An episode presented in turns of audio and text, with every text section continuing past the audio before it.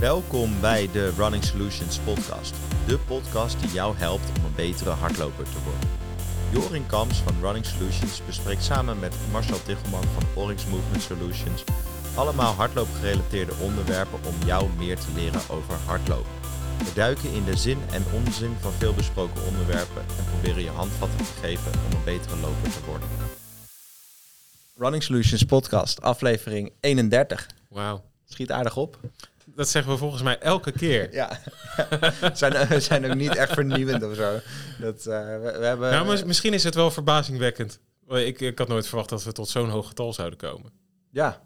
Uh, maar ik heb wel ambitie nu. Ik heb, uh, dus ik heb een getal in mijn hoofd zitten, dat wil ik nu sowieso gaan halen. Dat is? ja, 42, toch? 42 de marathon. Ja, dat gaan we wel halen. We kunnen nog uh, tal van onderwerpen bespreken. We zijn nog lang niet, uh, niet klaar. Er en anders uh, beginnen we gewoon opnieuw. Ja. Tegen, waarschijnlijk is tegen, tegen de tijd dat, dat wij alle onderwerpen besproken hebben. Hebben we het zelf alweer vergeten? Zijn we zelf vergeten wat we besproken hebben, wou je zeggen? Nou, ik, ik denk uh, dat, uh, dat de eerste aflevering dan alweer achterhaald is. En dan is er weer nieuwe data bekend. En, en dan, uh, gaan we, ja. dan gaan we de wetenschap even updaten. Dan gaan we onze eigen, onze eigen hersenspinsels in twijfel trekken. Dat is ook ja, leuk. Ja, ja, dat is misschien nog is heel idee. wetenschappelijk verantwoord, is dat. Ja. Dus nou, dat moet goed komen. Maar dit is de follow-up aflevering voor de vorige. Dus voor diegenen die de vorige nummertje 30 nog niet geluisterd hebben. Um, Doe dat vooral eerst even, want ja. uh, dat was een complex onderwerp. Ja. Uh, en misschien uh, een beetje vaagachtig. Mm -hmm. Maar we gaan proberen vandaag daar wat meer duidelijkheid in te scheppen. Ja, dus we hebben het vorige keer gehad over de actie-perceptie-regels. ja. en de, de, dus de koppeling. En het, het, is dus belangrijk om, om te beseffen hoe dat dan werkt. Ja. En dan gaan we het vandaag dus vooral hebben over hoe je dat dan kan toepassen voor jezelf. Dus vorige keer hebben we vooral besproken het hoe. En nu gaan we het hebben over het wat. Mooi gesproken. Andersom eigenlijk. Maakt, Ja. geen reet uit. Ja. Dus gewoon... eh, Vorige keer, eh, wat, wat, wat, is wat het is het eigenlijk? en nu hoe, pas je toe? Hoe gaan we doen? Ja. Ja. Ja. Oké. Maar misschien nog even een korte eh, opfris mini-cursus, samenvatting van de vorige keer. Ehm, een, eh, het, eh, eigenlijk is het heel simpel. Op het moment dat je in de wereld rondloopt, dan gebeurt er van alles en nog wat om je heen. Dus jij Mhm. loopt door een winkelstraat heen, er lopen allemaal mensen komen op je af. En eh, op basis van de informatie die binnenkomt, waar andere mensen zijn, hoe de, de weg ligt, hoe de stoep is, pas jij je beweeggedrag aan. Ja. Ehm, die prikkels die binnenkomen, dat zijn je waarnemingen. Ja, Maar wat jij- informatie. Precies, maar wat jij ziet, dat is niet de spiegel van de werkelijkheid. Jij verwerkt dat in je hoofd tot een ervaring, een gewaarwording. Of met een heel chic woordje, perceptie. Je Mhm. percipieert de wereld eigenlijk. Ja. Als je het heel erg mooi zegt. En op basis van die perceptie pas je je actie aan. Eh, na het uitvoeren van die actie, nou ja, dat heeft een bepaald resultaat. Daar komt informatie uit vrij. Eh, dat neem je allemaal weer waar. Zet je om in een perceptie om vervolgens je actie aan te passen. Nou ja, et cetera, et cetera, et cetera. En zo is het hele leven één grote aaneenschakeling van actie-perceptie-cycli. Ja. Ehm, en dat is heel belangrijk om te weten, omdat dat in training eh, een, een vrij cruciaal element is. En eigenlijk voor, voor heel veel andere dingen is het ook nog... Ik ga niet zeggen dat het the answer to everything is, maar het komt eigenlijk best wel heel erg dichtbij. Ja. Eh, dat je, eh, je, je neemt iets waar, je hebt daar een bepaald gevoel, een ervaring bij. En op basis van die ervaring en dat gevoel toets je, nou, wat vind ik daar eigenlijk van en hoe ga ik nu handelen? Mhm. Eh, maar daar gaan we even wat voorbeelden van geven. Deze podcast. Ja, ja dus, de, dus de, de kunst is dus als je dat dan weet, hè, je krijgt dus elke keer dat je, dat je gaat hardlopen bijvoorbeeld dan, hè, daar hebben we het dan voornamelijk Gek over. onderwerp. Dan krijg je informatie binnen uit je, uit je zintuigen. En, en hoe ga je die dan vertalen naar een ja, betere manier van bewegen? Want dat is eigenlijk waar we het over het overgrote gedeelte over hebben. Ja. Hoe kunnen we nou zo, eh, zo goed mogelijk eh, hardlopen? Ja. Toevallig, het is wel leuk, ik gaf ehm, afgelopen woensdag een, eh, een gastcollege bij eh, de Hogeschool van eh, Windesheim in Zwolle. Over eh, de manier hoe we kijken naar hardlopen en hoe kunnen we dat nou analyseren. Dat is bij, eh, bij de opleiding eh, voor mijn, eh, mijn vakgebied. En eh, dat was bij, bij eerstejaarsstudenten, dus die, die zijn dan net, net daarmee eh, begonnen. Dus die, die, hebben dan de basis een beetje geleerd en dan, ja, dan ga ik daar proberen in wat verdieping eh, te brengen. En toen was een van de dingen die ik ze heb geprobeerd bij te brengen van alles wat we bekijken kun je analyseren en daar kun je wat van vinden om het beter te maken. Alleen zo moet je er dus ook wat mij betreft naar kijken. Er is niet een, een beste manier van hardlopen. Maar er zijn wel een aantal eigenschappen die je graag wil zien om het beter te doen. En uh, dus er is niet een beste manier van hardlopen, maar er is wel een betere manier. En uh, dat is voor iedereen net even anders. Ja. Dus iedereen heeft zijn eigen anatomische verschillen. Die heeft zijn eigen informatieverwerking gehad natuurlijk. Hè, dus waar we het de vorige keer over hadden en nu, uh, nu, nu dan weer. Um, ja, we moeten dus gaan kijken naar hoe kan jij het beter doen voor jezelf. En ja, en dat, wat heel belangrijk erbij is, is dat voor iedereen die uh, het internet wel eens afstruint of uh, allerlei uh, zelfverklaarde experts hoort praten, er wordt heel vaak gesproken over techniek. Ja. Hardlooptechniek. En wat ik vervelend vind aan het woord techniek, is dat alsof, dat is alsof je het kan fijn slijpen naar iets wat perfect is. Terwijl het is inderdaad wat jij zegt, dat suggereert dat er een optimale manier van beweging is. Ja. Maar elke stap is anders. Mhm. Jij bent niet in staat, niemand is in staat om één en dezelfde beweging twee keer identiek te herhalen. Dat kan gewoon niet. Dat, Zeker, is, dat is fysiek onmogelijk. Ja, en het, uh, is en het belangrijke daarbij is dat je dus niet moet streven naar een optimaal, maar naar een optimum. En dat optimum geldt inderdaad voor dat moment. Ja. En dat kan letterlijk die stap zijn, maar dat kan ook je je vorm, je, je, je beweeg, nou ja, techniek, laten we het vervelende woord toch maar even gebruiken, van dat moment zijn. En dat ga je proberen, dat optimum, dat ga je proberen te verbeteren. Ja, en het is dus ook zo dat dat dan heel erg verschillend is per persoon. Ja. Um, al zijn er dus een aantal kenmerken die je wel bij iedereen terug zou willen zien. Maar de, de, de Generieke beweegregels. Ja, ja. Want er zijn wel voorbeelden van bijvoorbeeld een Paula Radcliffe, een, uh, een behoorlijk uh, ja, toch wel die kon het. Uh, echt goede atleten. Ja. Wereldrecord hè, op de marathon uh, gelopen. Die, die was er echt wel, uh, wel goed in. Maar als je keek naar hoe zij rende... ja, het was echt afschuwelijk om te zien. En, en er zijn er nog een aantal van dit soort voorbeelden. Er is New York eens een keer gewonnen door een mevrouw die echt met enorme x-benen rende. Ja. Um, wat, wat dus blijkbaar voor haar heel goed functioneerde en werkte. Dus dat kan prima. En dat is voor in de regel is dat dus niet zo heel uh, succesvol. Maar in, bij de uitzonderingen wel. Dus voor haar is dat goed genoeg. En werkt dat. Ja. En daar gaan we het vandaag dus ook een beetje over hebben. Van hoe kunnen we er nou voor zorgen dat, dat jij het beter gaat doen. Dus niet zozeer perfect, dat bestaat dus niet. Maar hoe kun je nou wel voor zorgen dat je het beter uh, doet. Ja, zeker. En dat heeft alles te maken met het verbeteren, nou dan niet van die techniek, maar meer van je, van je motoriek.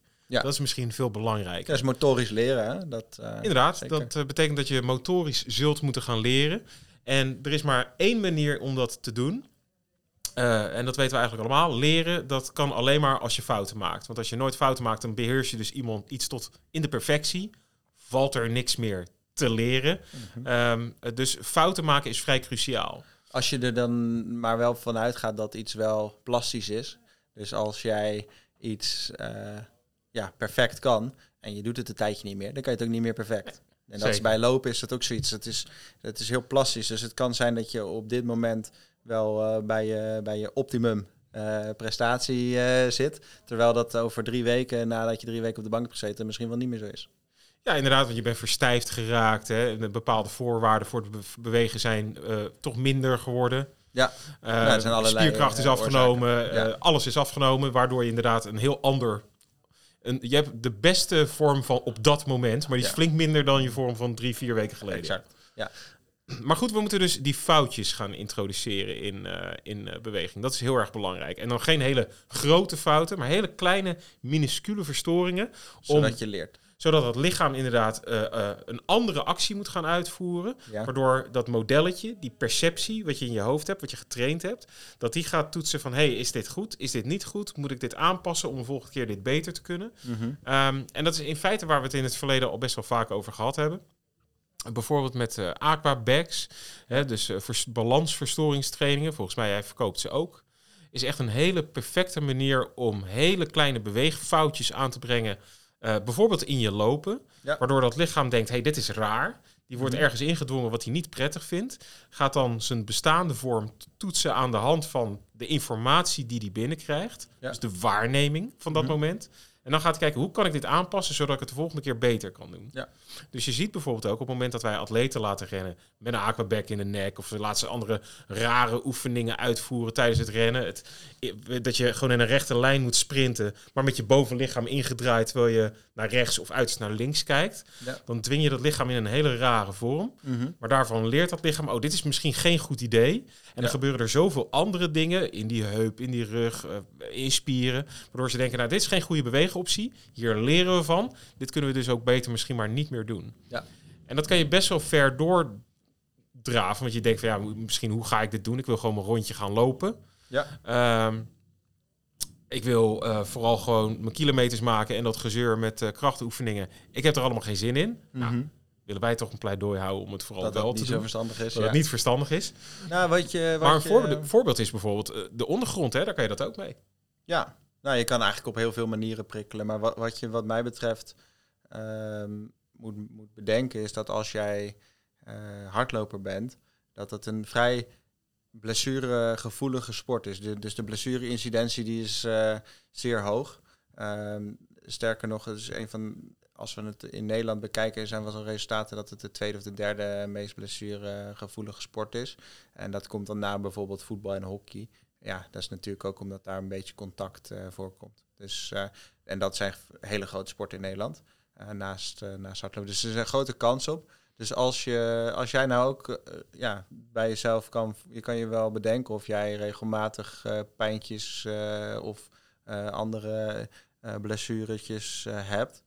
Ja, dan is het misschien dus juist wel heel relevant om hier aan te gaan werken. Want dan kan je dat misschien wel voor een groot gedeelte voorkomen. In mijn optiek, en dat, dat, dat schrijf ik ook op mijn website, maar dat is ook echt iets waar ik in geloof, is dat hardlopers niet geblesseerd hoeven te raken. Ik denk echt dat het niet nodig is.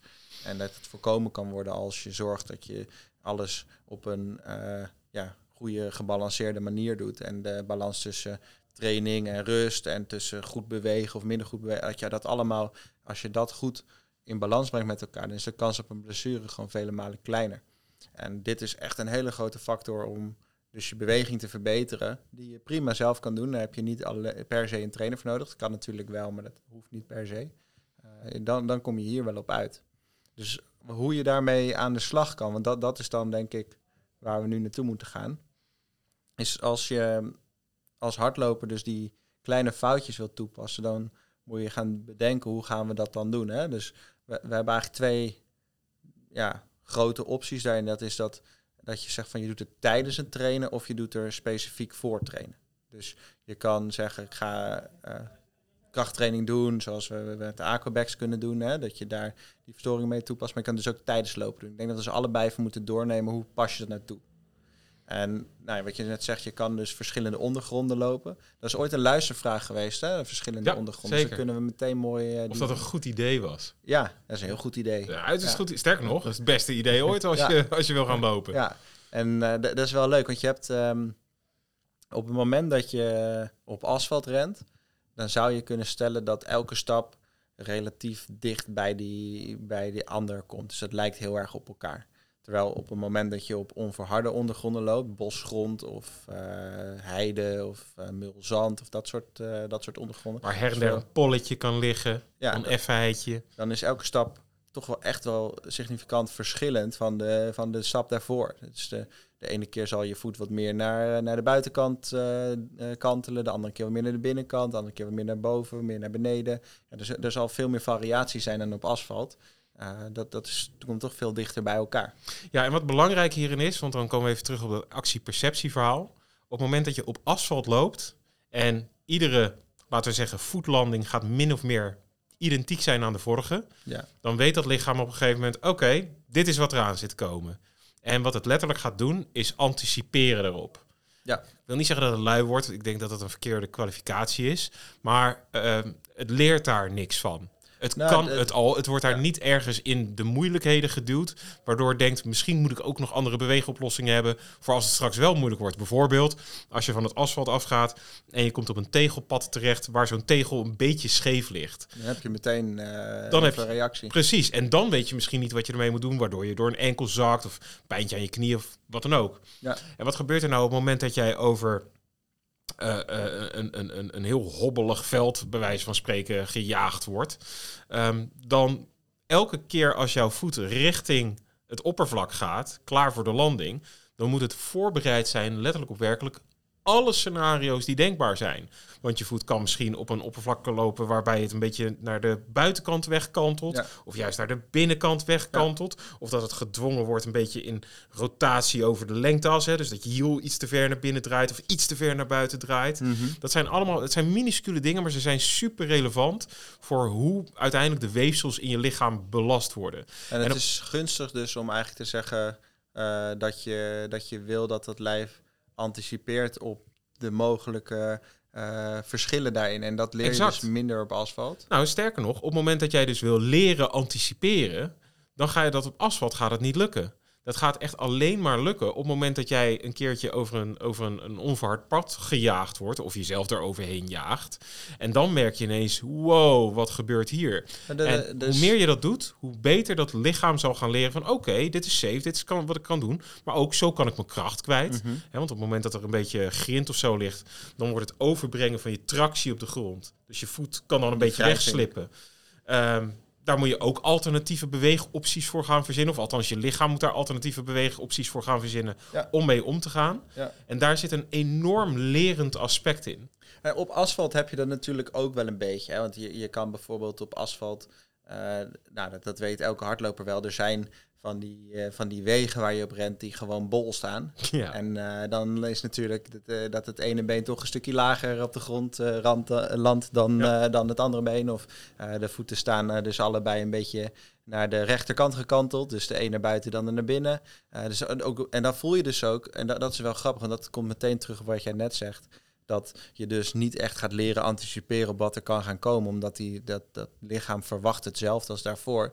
Totdat je dus daarop landt. En dan weet je dus niet zo goed wat je ermee moet. En dan voelt het ook heel raar. Dat voelt heel ongemakkelijk. Dat loopt Sterker nog, niet dat lekker. voelt gewoon heel vervelend. En er is een gouden regel bij actie-perceptie. Dat is, uh, en, en dat kan je eigenlijk in je hele leven wel doorvoeren. Een paar uitzonderingen daar gelaten, denk ik. Althans, nou goed, daar gaan we het later nog een keer over hebben. Maar in principe, als iets goed voelt, dan is het dat vaak ook. Ja. En als iets vervelend voelt of niet goed voelt, ongeacht waar je loopt en hoe je voelt, maar op het moment dat je iets voelt waarvan je denkt, ah, het is gewoon niet lekker, omdat het voelt als werken, of omdat je voelt dat je ergens in, een positie gedwongen wordt waar je je mm -hmm. niet comfortabel in voelt, dan kan je ervan uitgaan dat er ergens wel iets te leren valt om dat probleem op te lossen, zodat het beter wordt en je wel goed gaat voelen. Wat, wat je eigenlijk wel zou kunnen stellen is dat uh, want daar is best wel ook wel data over bekend. Hè? De, ik heb niet de onderzoeken nu paraat, maar ik heb het wel gelezen in het verleden dat je dus ziet dat, dat hardlopers die op asfalt lopen of die op bosgronden lopen voornamelijk, dus uh, laten we zeggen meer dan 80% van hun training op het een of op het ander, die uh, hebben niet meer of minder blessures dan elkaar. Dus je ziet op bosgronden en op onverhard zie je ongeveer hetzelfde ja. um, aan hoe vaak mensen geblesseerd raken. Maar wat je wel ziet is als je een hardloper hebt die uh, normaal gesproken uh, in het bos loopt, die dan ineens uh, 50% op asfalt gaat lopen, die zal wel klachten krijgen. En diegene die 80% op asfalt deed, die dan meer in het bos gaat doen, die gaat dat ook hebben. Dus, ja. En dat, dat is omdat je dus die informatie op een andere manier binnenkrijgt. En het systeem moet daar dus op reageren, hè. je lijf moet daarop reageren. En alle weefsels die moeten dus ook op een andere manier gaan functioneren. En laat dat nou zijn wat de tijd nodig heeft om aan te passen. Dus het aanpassende vermogen van spierpeesweefsel, dat gaat dan eigenlijk trager dan het beweegleerproces. En dan raken mensen dus geblesseerd omdat het overprikkeld raakt of overbelast. Ja, zeker als die, als die overgang heel abrupt is. Ja, ja, exact. Dat is het. Hè? Dus je moet dat geleidelijk introduceren. Maar als, als stel je voor, jij loopt uh, uh, de hele maand januari alles in het bos. En je beslist dan de hele maand februari alles op asfalt te doen dan uh, gaat het waarschijnlijk niet goed. Nee. Dat, uh, en dat, uh, dat is dus omdat het te snel gaat. Ja. Maar die, die mix tussen die twee is dus eigenlijk best wel heel gunstig. Hè? Want, ja, je wedstrijden zijn natuurlijk op asfalt, dus daar moet je het gewoon op kunnen. Ja. Punt. Ja, ja en het is ook sneller. en de grondreactiekrachten, dus hoe, hoe de, de, de grond kracht tegen jou geeft, hè? of jij kracht tegen de grond. Ja, dat, wat, wat betekent dat, dat, die, ja, en dat betekent dat die weefsels ook op een hele andere manier belast worden. Dus ja. het is letterlijk zo dat uh, nou laten we een Achillespees als voorbeeld nemen, maar je kan echt ieder willekeurig weefsel hiervoor nemen, wordt op een bospad anders belast Mhm. dan eh, richting je afzet bijvoorbeeld, Ja. dan dat het op asfalt gebeurt. Ja. En zeker tegenwoordig met die superreactieve schoenen, Ja, met die hele snelle schoenen is het helemaal is dat echt feest. extreem. Ja, ja. Dus lerend vermogen is echt heel belangrijk. Motorisch leren. En dat is ook iets waarom wij heel vaak hameren op... doe nou die specifieke krachttraining met eh, balansverstoringen. Maar ook loopscholing. Loopscholing is er vaak ook op gericht om je in een positie te dwingen die oncomfortabel is.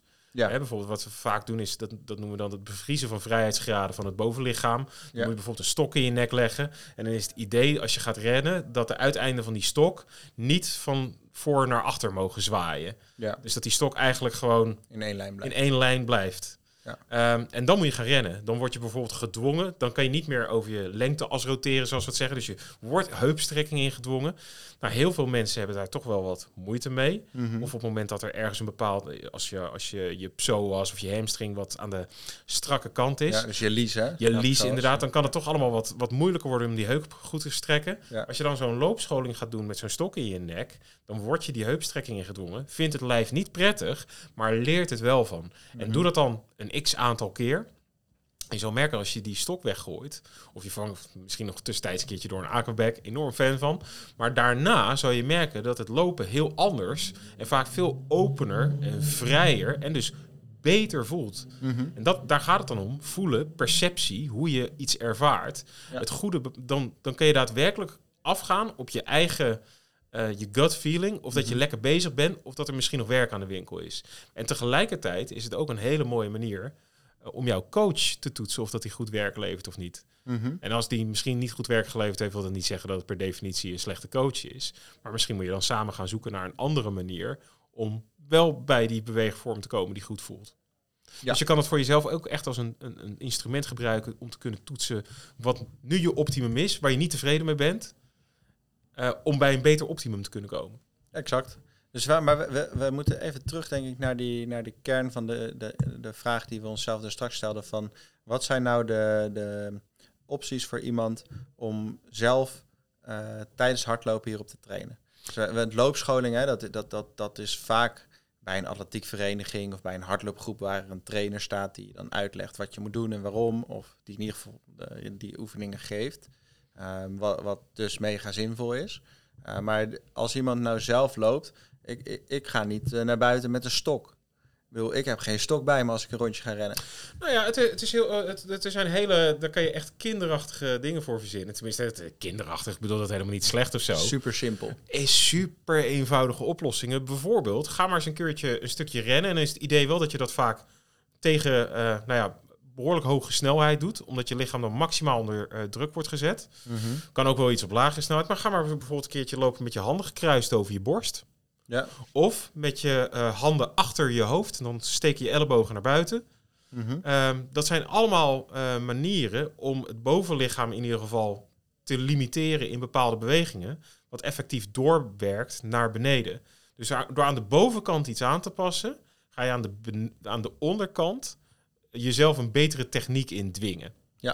dat wat, is ik, eigenlijk wat wat ik vaak doe eh, met de loopanalyses, is dat als we mensen eh, analyseren, dan zien we vaak, om, om een voorbeeld te geven, dat mensen een beetje zittend lopen. Dus die, Ja. die, en dat klinkt heel gek, maar wa- wat er dan daadwerkelijk gebeurt, is dat ze vrij ver door de knieën en de heupen buigen. Ehm, en die wil je dus meer laten strekken. Die wil je rechterop laten lopen of meer rompstrekking, waardoor die heupen dus omhoog komen in die kniebuiging minder diep en zo. Eh, dat is een van de voorwaarden om, om goed eh, te kunnen rennen. Dus dat is een van de dingen die altijd beter kan. Eh, hè, want er was geen beste, maar wel een betere manier. Dit is de betere manier. Heupen omhoog zien te krijgen en naar voren. Ehm, ja, dat kan je dus, dus doen door die armen boven je uit te strekken of voor je romp te kruisen. Ja. En dit is super toepasbaar. Want als jij een. je hebt, je hebt de, de, de fanatiekere lopers die doen intervallen. Hè? Maar je hebt ook de, de lopers die alleen maar duurlopen doen. Die zullen allemaal luisteren. Ehm, als je nou een intervaltraining doet, is het perfect om van tevoren te zeggen, nou, ik ga een kwartier warm lopen, hè, dan ben je goed warm. Dan doe je wat eh, dynamisch rekken, strekken, gewoon ook om het, systeem al een beetje te activeren. Ehm, er staat een artikel over op de website, hè, dynamisch rekstrekken. Uh, dus dan heb je vijf oefeningetjes waarbij je die spieren ook al een beetje activeert. Dat ligt helemaal in lijn met dit. En dan kan je gaan uh, versnellen. Dus dan doe je bijvoorbeeld 5 keer 20 seconden van uh, 40, 50% van je snelheid tot ongeveer 80, 90% van je snelheid. Dus gewoon hard, maar niet zo hard dat je jezelf in controleverlies dwingt, zeg maar. Um, en dan dus je armen niet gebruiken. Doe ze maar eens helemaal omhoog. Of helemaal zijwaarts. Of voor de borst kruisen of achter het hoofd houden. En dan leer je je lijf dus om dat goed te doen. En uh, dan zul je merken dat als je daarna je intervaltraining gaat doen, dat je je meteen anders voelt lopen. Je zal direct merken dat dat, dat systeem geactiveerd is, dat die spieren een, een ander ja, manier van bewegen, andere manier van bewegen hebben aangeleerd en dat kunnen gaan toepassen. Moeten we dit nog even voor de nerds onder ons even heel technisch zeggen, heel kort? Doe maar. Nou ja, als je armen boven je uitstrekt en je gaat rennen, dan trek je je buikspieren en je rugspieren uit hun optimumlengte. Dan moet dat bekken, dat moet gaan zoeken naar, wow, wow, wow, ik word helemaal uit mijn balans getrokken. Die gaat dan zoeken naar wat een optimum balans is op dat moment. Ja. En op het moment dat je je armen weer naar beneden doet, heb je het bekken geleerd wat een betere balans is. En wat het leuke is, is dat je dus core training aan het doen bent. Dat is echt de core stability training. En dan leer je het ook nog eens toepassen in de situatie waar je het, uh, waar je het wil hebben. Dat is een van de afleveringen hebben we het op een gegeven moment gehad over de onzin van core stability. Hè? Dat is een, uh, een ding waar wij een uitgesproken mening over Ja, on stond uh, wel tussen haakjes, hè? Ja, ja, ja. Het was ja, ja. on tussen haakjes, zin. ja. ja. En, en daar gaat het dus over dat je dus die spieren wel wil kunnen gebruiken en toepassen en benutten. Maar dat het dus geen zin heeft om ze in een functie te trainen waar ze niet uh, gebruikt worden. Dus bijvoorbeeld planken, uh, voorlichtsteunen. Dat, is dat maar tot op zekere hoogte nuttig. Ja, dat is niet vertaalbaar naar. Nee, kracht is hoekspecifiek. En, uh, dat is, daar, is ja. dit, daar is dit dus voor. Overigens andere dingen die ook heel nuttig zijn, waarbij je je perceptie, dus waar, waar je je waarneming kunt omzetten in een ervaring. Dat is ook een hele makkelijke en ik denk dat we die ook wel eens een keertje eerder genoemd hebben. Um, we hebben natuurlijk niet alleen maar de informatie die we binnenkrijgen via de voet en het been en hè, wat, wat, wat die benen voelen. We hebben ook nog ogen en oren. Daar kunnen we ook wat mee. Ja. Dus in plaats van uh, die oordoppen in te doen, uh, altijd natuurlijk sowieso een aeropacks dragen, zodat je iets van de omgeving ook hoort. Of beter nog gewoon geen muziek op. Dat is nog beter. Uh, maar je kan ook horen hoe hard je landing is. Ja, ja, je kan jezelf horen stampen of niet, of uh, heel lichtvoetig lopen. En het maar idee ook, is, als je heel hard stampt, uh, dat er heel veel energie verloren gaat. Want op het moment dat jij een harde stamp hebt, nou ja, dat is geluidsproductie. Dat betekent dat als je dat zou gaan vertalen naar een grafiek, dat je een hele hoge piek krijgt. En je, nou ja, geluid is niks anders dan energie. Mm Mhm. -hmm. Dus een klein tikje, dit, is natuurlijk heel anders dan ja, daar heb je energie het is voor wel nodig. Uh, grappig, want uh, dan moeten we meteen even de, de carbonschoenen. Want uh, de carbonschoenen die maken een kabaal, jongen. Dat is, eh, als ik daarop ren, dan hoor je me gewoon van kilometers eh, aankomen. Ja, dat, ik heb er ook klachten over ingediend bij de gemeente ooit. Maar dat is een, misschien voor een andere podcast. Dit. Mariska zegt wel eens, als ik, daar, als ik dan aan het hardlopen ben... ja, dat is Ja. mijn vrouw. Als ik dan ga hardlopen, zegt ze... Ik heb je de hele tijd horen lopen, ben ik 20 kilometer verderop geweest. ja, nee, die schoenen maken echt lawaai. Dat Ja, is echt. Uh, maar dat, dat komt dus ook omdat dat, dat foam is heel erg verend, hè, heel erg bouncend, heel veel ja, energie uh, in. Hè. Dus als iets vervormt is energie, vervorming is, is energie. Dus op het moment dat je daar hard de grond mee raakt, want dat is wel wat er natuurlijk gebeurt, dan, uh, dan vangt dat superveel energie in, in die zolen. En die carbon is natuurlijk vrij stijf. Dus dat stuurt het dan naar voren, dat je, dat, je dat die energie-return hoog is. Uh, dus daar komt veel energie terug. En daar zit dus wel veel geluidsproductie bij. En dat heb je bij uh, de reguliere hardloopschoenen natuurlijk, als het goed is, een heel stuk minder, omdat die ook veel minder energie teruggeven. Ja, nee, precies. En daarom is het ook bijvoorbeeld, je moet proberen dingen altijd te koppelen. Hè. Het is niet één ding wat je kan gebruiken en dat dan alles goed komt. Het zijn altijd meerdere dingen. Dus mm-hmm. het voorbeeld wat we nu geven met uh, de harde klap bij het landen van die hiel. Uh, als je dat op normale schoenen doet en je koppelt dat ook aan het gevoel van het hoge lopen wat je net omschrijft. Hooglopen is eigenlijk onmogelijk op het moment dat je zo'n hele harde impact maakt. Mm-hmm. Tenminste, een harde impact met je hiel. Ja. Kijk, en dan is een hele moeilijke discussie, want ik weet wel, ik zie de vragen of de, de comments al binnenkomen. Ja, maar je hebt een, uh, van de professionals, je hebt toch een harde voetlanding nodig. True. Ja. Maar in het algemeen, voor de meeste mensen zal gelden, let hier eens een keer op en ga eens proberen uh, iets minder geluid te produceren en hoog te lopen. En je zal voelen dat alles verandert. Ja, klopt. Klopt, exact. Ja, buiten. ja, we, hebben, we hebben last van een scooter die, uh, die, die langs Maakt niet uit, het hoort erbij. Dat, maar we zijn mensen, we gaan, zijn geen we, gaan gewoon, we gaan gewoon, uh, we gaan gewoon door. Dat, nou, dan hebben we die wel redelijk duidelijk, denk ik. Hè? Dus we, we hebben... Nou, één ding wat ik er nog over wil zeggen, want dat is met die schoenen ook wel belangrijk.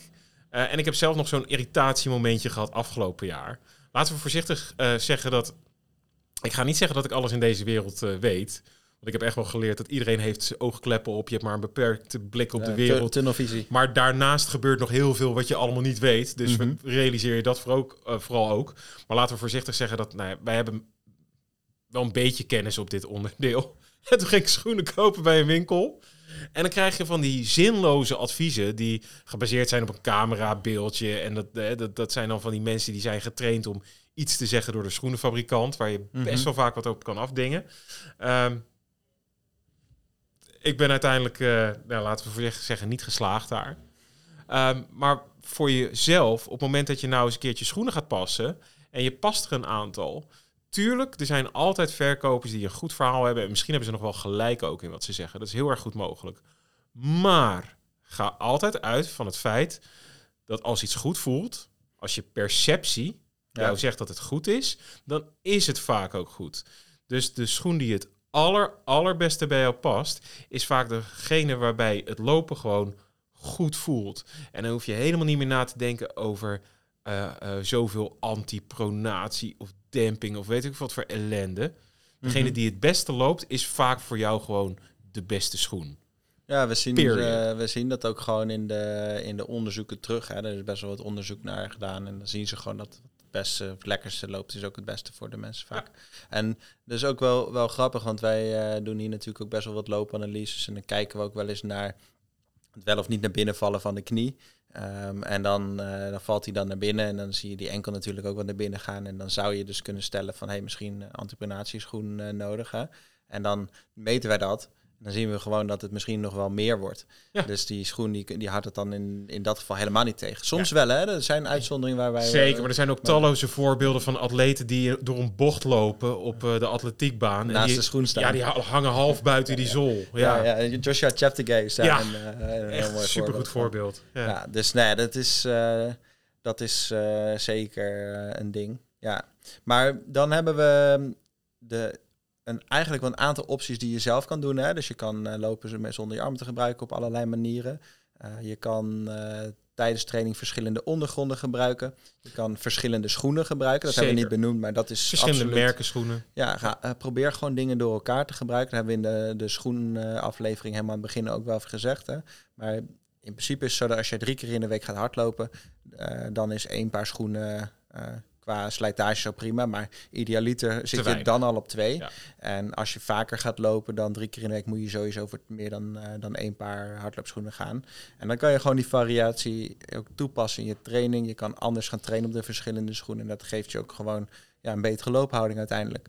Dus uh, dat is heel gunstig om, uh, om te va variëren daarin. Ja. Dan krijgt je lijf dus ook andere informatie. Ja, ja, variatie, dat betekent dus telkens andere prikkels. En prikkels, ja. daar leert het lijf van. Dus ook, en daar wil ik dan uh, ook nog een pleidooi voor houden. Op het moment dat je een keertje, als je aan het trainen bent en je kan naast het asfalt lopen, schroom niet om dat te doen. Op het moment ja. dat, er, dat er een fietspad is, schitterend asfalt en daarnaast een stoep, mm -hmm. niks mis mee om ook eens een keertje de wat moeilijker optie te zoeken. En een probleem, en ook dat is perceptie. Ja, kasseienstroken, dat is Kassei, heerlijk. Nee, maar, ja, de, de, ook, maar dat is ook een probleem van perceptie. Er is een schitterend onderzoek naar gedaan.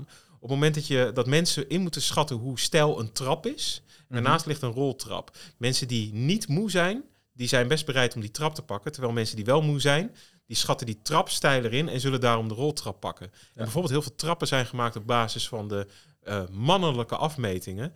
Waardoor voor vrouwen die traptreden net relatief iets te hoog zijn. Mm -hmm. uh, waardoor een vrouw veel eerder zal terugschrikken van zo'n normale trap dan een man om die op te lopen. Ja. Uh, dus dat heeft dan helemaal niks te maken met luiheid of iets dergelijks. Gewoon lichaamslengte. Ja, maar dat is dus perceptie hoe jouw brein, jouw, ja. de, de waarneming die jij dan hebt, dan is jouw brein, dat modelletje daarin, die perceptie, die jou vertelt, oké, okay, dit is de ervaring die ik uit het verleden heb. Ik heb meerdere van die trappen opgelopen. Ik zie dit nu, geen goede optie, we gaan met de roltrap. Ja. Ehm, dus dat is eh, Dat is sowieso een slechte optie, de roltrap. altijd Maar een slechte eh, optie. Maar het geeft maar aan dat perceptie is dus ook iets wat je de, vaak de luie of de, de minder actieve kant indwingt. Ja, of het is eh, de, de situationeel, zou je kunnen stellen. dus, het is, dus als jij moe- vermoeider bent, dan gaat het je in een andere Ga je andere keuzes maken. dan, Dus eh, perceptie, op de basis van je perceptie stem je de actie af. Ja. En dan voer je die actie uit, komt er resultaat in, eh, Ja. eh, uit. En dat wordt dan weer je volgende perceptie op basis waarvan je gaat handelen. ja.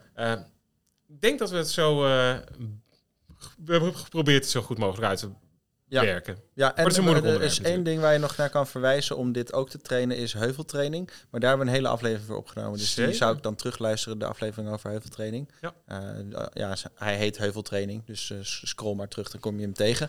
Ja, en dan komen we bij hoe kan ik je had het... verwacht eh, dat jij feilloos nu het nummer zou Nee, helaas. Zit niet in mijn hoofd. Dat, eh, ik ben wel een beetje een cijferfreak, maar niet zo, eh, Beetje? niet zo erg. Maar dan moeten we eigenlijk gaan kijken naar wat kunnen mensen nou trainen in de, in de, in de vorm van eh, trainingen buiten het hardlopen zelf om. Want dat is natuurlijk ook een, eh, een factor eh, in, deze. Ja. Ja. of in de gym of sportschool. Je, je kan op allerlei plekken kan je trainen. Je kan los van het hardlopen naar buiten gaan om eh, looptechniektraining te doen voor jezelf. Ehm, ja, hoe, hoe, zouden we dat, hoe zouden we dat doen? Dat moeten we denk ik even duidelijk maken.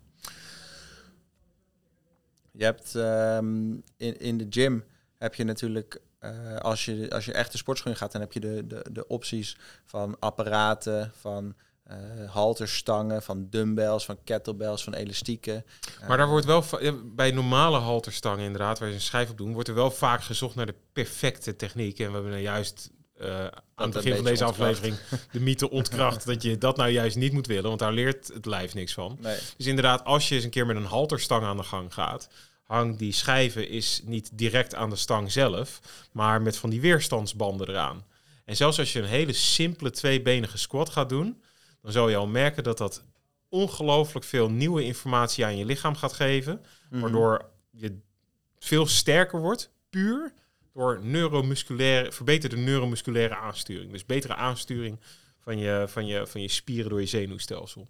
Ja, ik denk dat, dat, dat de kunst dus is als je, als je dit wilt toepassen om beter te leren lopen, want dan hebben we het daarover, dat, dat je dus in de manier van trainen dus verstoring wilt toepassen, Ja. zodat je lijf dus die informatie eh, toe, toe eh, krijgt eigenlijk, of toegestuurd. Dus, we, dus als je, nou we hebben het natuurlijk vaak over aquabacks, hè, maar eh, je kan het natuurlijk op heel veel manieren doen. Dus als, als je bijvoorbeeld thuis de- geen je hebt heel veel mensen willen thuis trainen, dus misschien is dat het denk ik het makkelijkste om het, om het uit te leggen. Dus je kan eh, verstoringen toepassen door eh, dingen te verplaatsen. Je, je staat bijvoorbeeld op één been in een kniehef.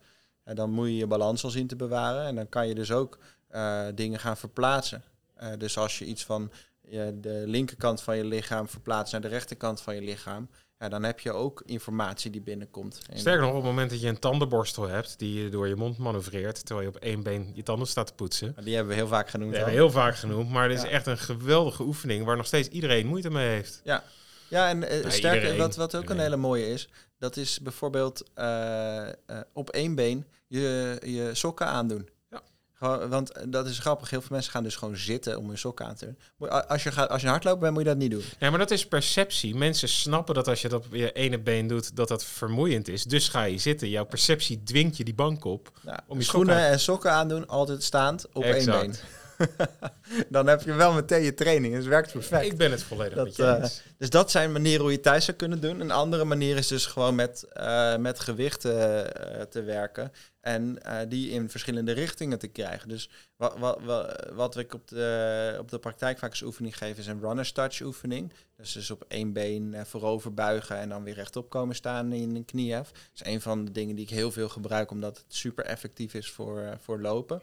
En dan kom je in allerlei gewrichtshoeken al te staan. Dan kom je in allerlei ja, disbalansen waarbij je kan omvallen.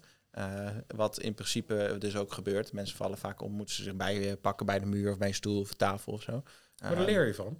en daar leren ze van. En het, het doel is dus ook door verstoring op die manier toe te passen, dat eh, mensen daardoor die beweegopties ook voor het hardlopen kunnen gaan toepassen. Dus dan leer je in die spieren die dan jou op één been kunnen helpen staan in, in een goede balans, om dat dus ook te kunnen. En dat heb je nodig om te rennen.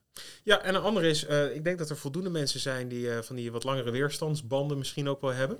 Ja, Op het moment dat je nou op zo'n weer, weerstandsband gaat staan, en vervolgens ga je op één been staan, terwijl je het, de arm van het been waarmee je op die weerstandsband staat, je hand van die arm heb je de andere kant van die weerstandsband vast, en die duw je omhoog. Mhm. Dus in feite die weerstandsband, die, nou ja, dat is letterlijk de weerstand waarmee je eh, je, je heupspieren onder andere gaat trainen. ja. Maar ook dan gaat het, het op één been staan en je balans bewaren, gaat een hele andere dimensie krijgen. En wordt teruggetrokken. Ja. Ja, dus je wordt verstoord. Ja. Dat, en wat ik laatst zag, dit vond ik ook wel leuk. Dat, ik, ik, dat, dat had ik zelf nog nooit gedaan, maar ik zag een filmpje op Instagram van, een, van een, een krachttraining van iemand die, die ging deadliften. En op één been. Nou, dat, dat, dat is allemaal eh, best wel straightforward, heb ik vaak zat gezien. Maar dan deed de trainer die ernaast stond, die trok de schijf van de halterstang af aan één kant. En dan nog steeds blijven staan. Dat is knap. Nou, dat is echt mooi om te zien. Ja, ja, ja. Of squats doen terwijl dat, eh, dat, dat gebeurt. Dus dan moet je ineens anticiperen op dat er aan de rechterkant heel geen veel gewicht, heel weinig is. eh, is. En aan de andere kant is het dan juist wel. Ja. Ja. da- dan leer je dus ook eigenlijk aanspannen op het moment dat er een krachtsverandering plaatsvindt. En dat is nou precies wat je nodig hebt om eh, niet door je enkel te gaan, bijvoorbeeld tijdens hardlopen. Of eh, eh, te kunnen anticiperen op dat je ineens een losse straattegel hebt liggen. Want je kan dan al die krachtenrichtingen accepteren en, en, en op anticiperen, zeg maar. Als snelle reactie. Ja, misschien moeten we maar eens... nou ja, we zijn nog steeds bezig met een schitterend appje. Mhm. Dat dit soort oefeningen daar prachtig in gaan terugkomen. Ook voor thuis. Ja, dus dat is absoluut hoe, hoe daar naar gekeken moet worden. Ja. Dus verstoor je je balans, verstoor het staan op één been of een uitvalstap of eh, een eenbenige eh, squat of een lunge of nou, noem het maar op. Er zijn allerlei oefeningen die je kan doen waarbij je verstoringen in zijwaartse, opwaartse, achterwaartse richtingen eh, kan, kan geven om die informatie te, binnen te krijgen, zeg maar, om dat dan ook goed te doen. Ja.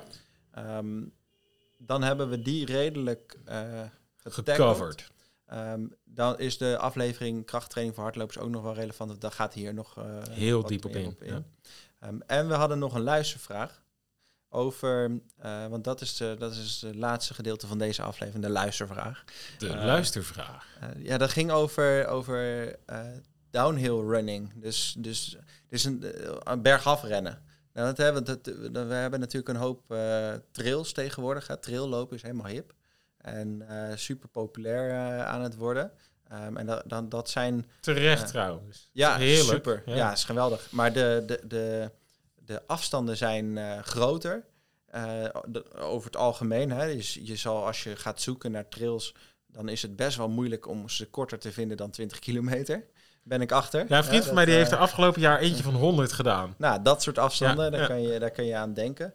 Maar eh, wa- wat het voornaamste is, in Nederland valt het wel mee. hè. Ik bedoel, in Nederland heb je niet zoveel hoogtemeters, want daar gaan we het over hebben.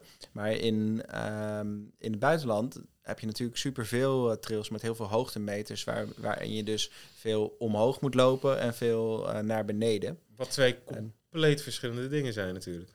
Ja, en ook iets heel anders dan eh, over eh, het vlakke eh, asfalt of eh, in Ja. Nederlands eh, eh, duingebieden of zo. Schitterende polderlandschap. Eh, ja, dus je, je eh, belasting met het naar beneden lopen is daadwerkelijk heel anders. En de manier waarop je dus moet hardlopen als je naar beneden gaat, is ook heel anders dan wat we eh, anders zien. Dus bij het, eh, bij het normaal eh, overground eh, running, zeg maar.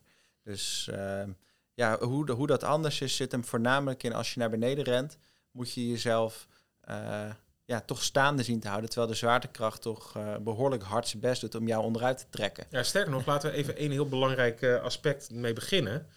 Dat eh, wij, ons lichaam heeft zoiets als een algeme- eh, algemeen lichaamszwaartepunt. Ja, In het Engels ook wel mooi de center of mass genoemd. ja. En op het moment dat we aan het rennen zijn en je, je, je hebt afgezet, dan zweef je even door de lucht. Ja. Ehm, En en aan dat punt word je teruggetrokken. nou ja, je, hebt, je behaalt daar je hoogste punt in, eh, in de loopcyclus. En richting de landing, dan daalt dat punt weer. Kortom, je bent in een valbeweging. Mhm. En op een zeker moment raak je de grond en nou ja, zo gaat het verder. Maar op het moment dat jij bergaf aan het lopen bent, dan is die valbeweging effectief vele malen groter dan wanneer jij vlak aan het lopen bent of heuvel op aan het. Uh, dat is ook logisch, hè? Want uh, als, als er een, uh, een, een, een, bepaalde stijg of een dalende percentage is, of stijgend hè, als je omhoog loopt, maar dalend omdat we het over naar beneden lopen hebben, dan, ja, dan, dan, dan kom je dus lager neer dan waar je af hebt gezet. Maar dat betekent ook dat je veel meer versnelt. Dus dat de impact bij landing vele malen groter gaat zijn. Ja. En een ander probleem is, we hebben het ook vaak gehad over, uh, een van de eerdere afleveringen is, uh, gaat over swing leg retraction. Je moet je been terugtrekken voordat je landt. Ja. Het, wat in, vroeger in de atletiek wel het klauw van het been werd geroepen. Dat is bij bergaflopen ook vele malen moeilijker. Ja. Zeker als je er nooit op getraind hebt. Exact. Dan is dat ineens bijna onmogelijk zelfs. Ja, en door die toenemende krachten, eh, want eh, daar ging de vraag over. ik heb de vraag nog helemaal niet echt benoemd, maar de vraag is eigenlijk... Doe dat eens. Uh, wat gebeurt er nou uh, waarom ik zoveel spierpijn of zoveel vermoeidheid in mijn bovenbeen en knieën ervaar? Dat is de vraag. En wat, wat je dus ziet is, doordat die krachten zoveel groter worden, moet je dus ook veel harder je best doen om niet door je knie heen te zakken. Dus je moet de, je moet de kniebuiging remmen. En uh, dat is echt verdraaid zwaar. Dus, en, en daar gaat het uiteindelijk om. En dat noemen we decelereren of deceleratie. Deceleratie, zeker. En, uh, da, en wat, je, wat je ziet is dat het kunnen remmen van die beweging, dat dat best wel heel lastig is te trainen als je niet in de berg traint. En dan moet je dus echt uh, daar oefeningen voor gaan doen. Ja, dan hebben we het dus over welke oefeningen je moet doen. En die oefeningen, uh, ja, dat, dat, dat is eigenlijk precies waar we het de hele aflevering over hebben. Je moet dus iets leren door een bepaalde prikkel toe te passen. Die lijkt ook op datgene wat je dan gaat doen. Dus we, als we het daarover hebben, dan moeten we, het, moeten dus de kniebuiging remmen. Ja, dus dat betekent van uh, kleine verhogingjes afgaan, springen, ja. Of uh, wat ik ook graag doe met zo'n stepje. Je hebt in de sportschool heb je vaak van die stepjes van een centimeter of tien hoog. Maar je hebt thuis ook van die curverkrukjes. Ja. Uh, dat je daarop gaat staan en dan één been heel fel optrekt. En dan met die andere, die hangt, zeg maar, je gaat met één been sta je op dat krukje. En het andere been dat hangt er zo naast. En het been waarmee je het op het krukje staat, trek je heel fel je knie richting het plafond. Waardoor je een soort van, ja, dat noemen we een drop jump hebt. Mm -hmm. Dus je, je springt niet echt, maar je valt direct naar beneden. En dan moet je proberen te stabiliseren en op één been te blijven staan. Ja, dit wordt heel moeilijk. Dit wordt heel moeilijk. Ja? ja. is echt een hele favoriete oefening van. Ja, ik snap hem wel, maar hij is lastig te visualiseren. Als jij hem op je website plaatst, dan... Uh... Op mijn website. nee, wat, een, uh, wat een goede uh, is, die denk ik goed te begrijpen is. Want dat, dat, wat, wat jij als eerste zegt, van je moet ergens van een kleine verhoging afspringen. Ik denk dat dat uh, ideaal is om, uh, om te visualiseren. Dus op het moment dat je bijvoorbeeld thuis uh, op de trap gaat staan, laten we ervan uitgaan dat je dan een rechte trap hebt, anders pak je een opstapje of een bank of een. als het maar niet hoger is dan een centimeter of 15, 20, Ja. anders wordt het allemaal. En, zeker als je op één eh, been moet landen, wel tricky. En het moet eh, stevig zijn. Dus je gaat Ja. niet van een eh, poef afspringen die kan omvallen, zeg maar. Veiligheid first. Eh, safety, oké. Maar eh, laten we zeggen, je hebt een verhoging van een traptreden of twee. En eh, je gaat daar tweebenig op staan en je springt eh, naar beneden. Eh, zonder per se omhoog te springen, maar gewoon naar voren. Eh, en dan probeer je op één been te landen, waarbij je dan zo eh, min mogelijk door je knie gaat buigen op het moment dat je landt. Dus je mag in een iets gebogen landing of pl- voetplaatsing en dan een iets gebogen knie landen. Eh, zo, zodat je niet met gestrekt been vol in de grond ramt. Dat wil je natuurlijk niet. Maar Maar ik iets gebogen. eh, over mijn rug bij de ja, gedachte. Dankjewel. dus iets, eh, iets gebogen knie, maar dan probeer je niet heel veel verder te buigen. En als je, dat is denk ik een hele mooie manier om dit, eh, dit te oefenen. Ja, en zeker probeer het ook eens een keertje dan, hè, als je- vanaf één been, Ja. op één been landen. Ja, dus eerst tweebenig en als het goed gaat, dan En wat je, wat je ook kan doen is, net zoals je dat je een uitvalspas, een lunge hebt, Ja. kan je ook een lunge doen vanaf een traptreden. En dan niet proberen zo diep mogelijk te buigen. Exact. probeer je dan te remmen. Ja. ja. En een andere manier is, eh, is als je ehm, in, een, s- in een split squat positie gaat staan. Dus eh, dan wordt het wel ingewikkelder. Maar je hebt, we hadden het over die lunge positie. Eén voet naar achter, een beetje wegstrekken. Andere voet naar voren, een beetje door de knie buigen. Dan kom je in een beetje gebogen positie van beide knieën. Waarbij je dus echt uit elkaar staat. En dan spring je eh, omhoog en dan wissel je die benen om. En dan moet je dus precies in die positie terugkomen waar je begonnen bent, zonder eh, te bewegen nadat je bent geland. De lunge jump. Ja, nou, dat is een hele mooie manier ook om dit eh, te doen. Ja. En een, een, een andere optie is gewoon op de grond staan met twee benen. En dan een klein sprongetje naar voren maken, waarbij je in een, in een buiging van eh 20, 25 graden van je knie probeert te landen en dan meteen stilstaan.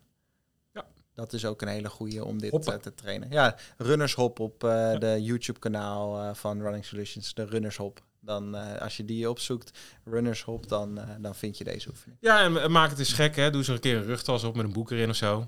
Van aquabek in je nek, Akerbek in je nek. glas water. Glas water waar niks uit mag. Die eh, zet je op je hoofd en draai je rondje. Die challenge die gaan wij zo direct eh, bij jou hier achter in de praktijk doen. Dus misschien wel Lijkt me, lijkt me niet goed. We Kijk wie het beste is. Ze komen volgende week weer dweilen. Dus. ik denk dat dit wel eh, een goede ja, oefeningen zijn om het, om het downhill runnen. Want daar hebben we het dan over. Om dat te leren. En ook om die spieren dus te leren anticiperen eh, op, eh, op die actie. Dus dat, dat past perfect eigenlijk bij, bij deze aflevering. Ja, en zoek... eh, kijk, we, we, we zeggen natuurlijk wel dat, dat Nederland heeft helemaal geen hoogteverschillen. Maar ze zijn er wel Maar degelijk. ze zijn er wel degelijk. Maar hoeveel dijken hebben we die best wel stijl eh, erop lopen? En Ja. natuurlijk, je kan niet 10 kilometer achter elkaar naar beneden hollen. Dat zit er niet in. Maar je kan ook zo'n dijk wel eens een keertje afperen. Ja. En ook daar leer je alweer van. Ja, en er zijn loopbanden die, eh, die achteruit kunnen terwijl ze in een helling staan. Alleen, eh, ja, die zijn wel 30.000 euro zo. Ja, maar ja, voor thuis moet best wel kunnen. En anders reis een keertje naar de schitterende heuvelrug. Pak de trein naar, eh, naar Limburg. Nou, op zich, als je, ja, maar als je traint voor die lange trails, hè, want dat, daar gaat deze vraag Ja. natuurlijk over, dan eh, is het op de heuvelrug op, af, op, af, op, af. En dan, dan Ja. pak je natuurlijk wat dat betreft behoorlijk wat hoogtemeters nog Ja, wel. ik weet niet of je er mag eh, rennen, maar je hebt het Let de Stichterpad. Oh nee, dat is vrij vlak volgens mij. Vergeet dat ik dit gezegd heb. Nou, je, bij, eh, je kan bijvoorbeeld bij de, bij de De piramide- Amerongse berg. Amerongse berg. Ja, Bij de piramide van Austerlitz, Ja. daar kan je naar beneden rennen. Je hebt nog veel meer opties. dat is mijn Eh, achtertuin, hè? Ja, ja. Dus, eh, dus dat, dat kan wel degelijk. En dan train je het ook. Maar je kan het dus ook thuis trainen door van dingetjes af te springen. Ja. Dat, Ja, mag jij nou ook een vraag hebben? Of met iets zitten, met iets tobben, ergens niet uitkomen, ergens iets vaags gehoord hebben wat je even geverifieerd wil hebben?